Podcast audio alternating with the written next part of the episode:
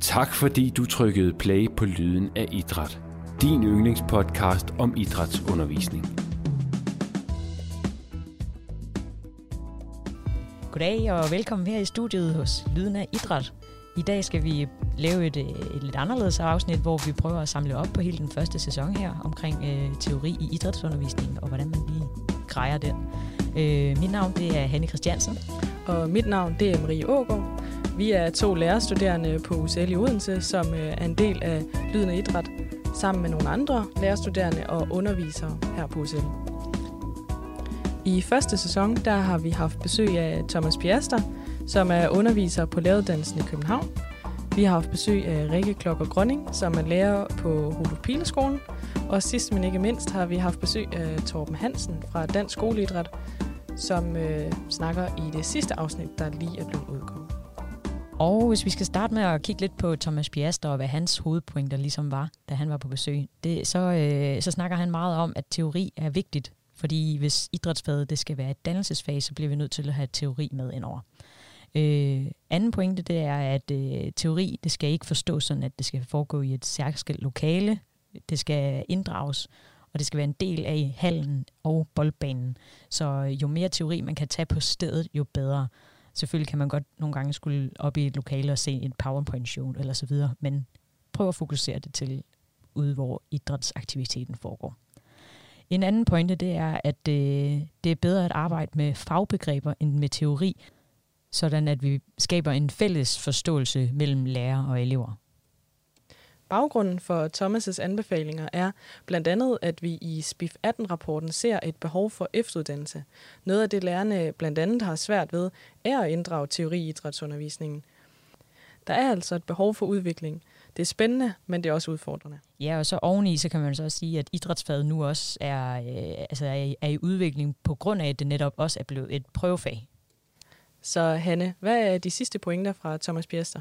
Jamen, han mener, at man gør godt brug af at øh, klappe i som lærer, at man skal øh, keep it simple, og øh, så skal man egentlig involvere eleverne og sørge for, at teorien lidt sker på deres opfordring, eller sådan deres incitament. Ja. Super spændende, og har du ikke lyttet til afsnittet med Thomas Piester endnu, så kan du finde den der, hvor du øh, lytter til din podcast. Yes, sir.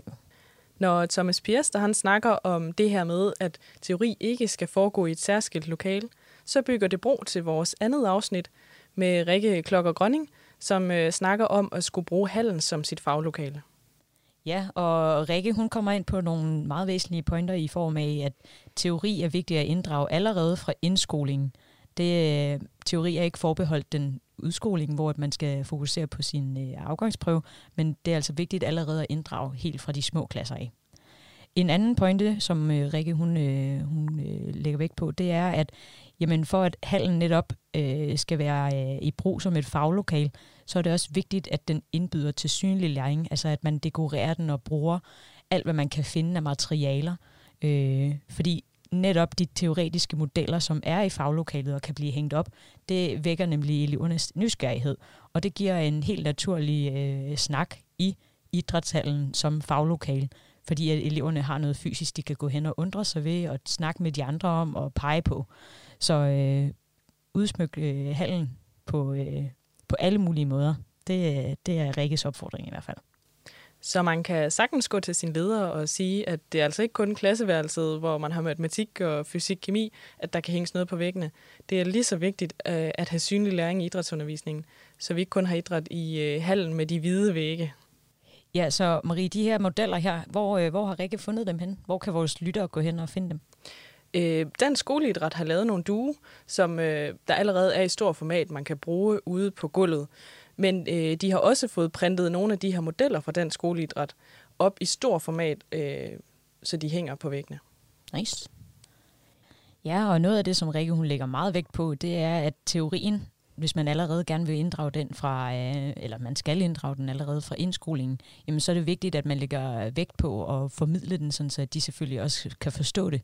Så selvom at man skal, at man skal omtale øh, for eksempel, øh, hvad hedder sådan noget, anatomi, øh, lad os sige øh, bagdelen, jamen så behøver man ikke at omtale den med gluteus maximus, hvor de ikke forstår et hak, men, men så prøver at, at omformulere ordene og, og, og så bare omtale den som den store sædemuskel, eller gå længere ned og så sige, jamen bare ballen, fordi så kan de også være med, og så er, det, at, er teorien også tilgængelig øh, i de helt små klasser.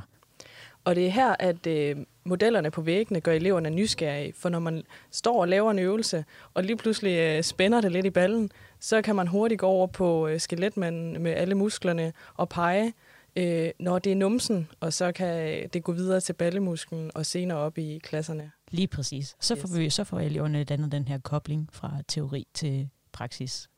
Yes. Så Hanne, hvis du lige skulle opriste de sidste pointer fra Rikke, hvad er de så? Jamen, øh, Rikke, hun mener, at det er vigtigt, at vi inddrager eleverne, og vi tager udgangspunkt i deres undren, så at man er, man er omstillingsparat i timen øh, og, og, og tager det løbende, når de naturligt opstår, øh, elevernes undren. Øh, hun mener også, at det er rigtig godt, at man allerede fra indskolingen får skabt nogle gode strukturer, sådan så at, at det her med, at man øh, laver nogle gode vaner omkring teori og får det inddraget, sådan så de vender sig til det fra de helt små klasser. Øhm, derudover så siger hun også, jamen som idrætslærer, spring ud i det, prøv det. Selvfølgelig så til, kræver det noget tilvælling, men, men hun er også med, med positiv i sindet og, og siger, at det skal nok virke, og man skal nok finde sig selv i det. Så spring ud i det. Det sidste afsnit her i vores første sæson om teori i idrætsundervisning, det ligger øh, faktisk stadig til redigering, nu vi står her og indtaler øh, det her afsnit. Så vi, vi har faktisk ikke hørt det endnu, men vi har fået lidt at vide om, hvad, hvad det skal handle om. Og Marie, det er du klog på? Ja, øh, det er jo Torben Hansen fra Dansk Skoleidræt, vi har inde sammen med Andreas Bolding Christensen her fra, øh, som er underviser her på UCL i Odense. De snakker om, hvorfor teoriintegration er svært. De kommer også med nogle eksempler på, hvor det altså fungerer. Øh, og så snakker de om den her model, spilfasemodellen, som de har redidaktiseret, øh, hvor de kommer mere ind på sådan et taktisk element, der giver nogle andre deltagelsesmuligheder. En anden vigtig pointe i afsnittet er også, at fordybelse, det leder til faglighed. Ja, altså, at man behøver faktisk ikke som idrætslærer have fundet på 50.000 forskellige aktiviteter, men, men man må gerne gå i dybden med bare et enkelt, så at man ligesom tillader eleverne at fordybe sig i undervisningen. Udover vores hovedafsnit i den her sæson, Hanne, så har vi jo faktisk også lavet et øh, lille bonusafsnit, eller hvad man kan kalde det. Et lille ekstra afsnit med et øh, decideret eksempel på et spil, hvor man kan inddrage teori i idrætsundervisningen. Ja, det er Ultimate Bold, og det har vi jo selv prøvet i vores idrætsundervisning sammen med Andreas, og øh, det fungerede jo rigtig godt. Så øh, det er en opfordring herfra, at øh, man kan gå hjem og lytte til afsnittet og lytte, eller høre noget mere om, hvordan det fungerer, og så prøve det af i sin undervisning. Det, øh, det er super sjovt i hvert fald. Men det er ved at være de sidste ord for øh, denne omgang. De afsluttende ord fra første sæson af Lyden af Idræt. Det har været spændende at have med på rejsen, men... Ja, men øh, det er jo ikke slut endnu. Vi øh, har godt i gang øh, på tegnebrættet til den næste sæson, og øh, når det så er sagt, så er det jo vigtigt at sige, at øh, I skal holde jer opdateret på øh, Facebook-siden og også på vores Instagram, og så ellers bare husk at lytte med, så snart der kommer noget ud. Så, øh, men skal vi ikke sige, at det var de afsluttende ord for i dag, og sige tusind, tusind jo. tak, fordi I lyttede med. Det har været en fornøjelse at være her i studiet i dag. Og så, øh, ja. Glæder vi os til, at I skal lytte med i næste sæson. Ja, lyden af idræt. Hør det før din øh, idrætskollega, ikke også? Sådan. Yes. Vi ses derude. Hej. Du har lyttet til Lyden af idræt. Et samarbejde mellem studerende og undervisere fra læreruddannelsen i Odense ved UCL. Tak fordi du lyttede med.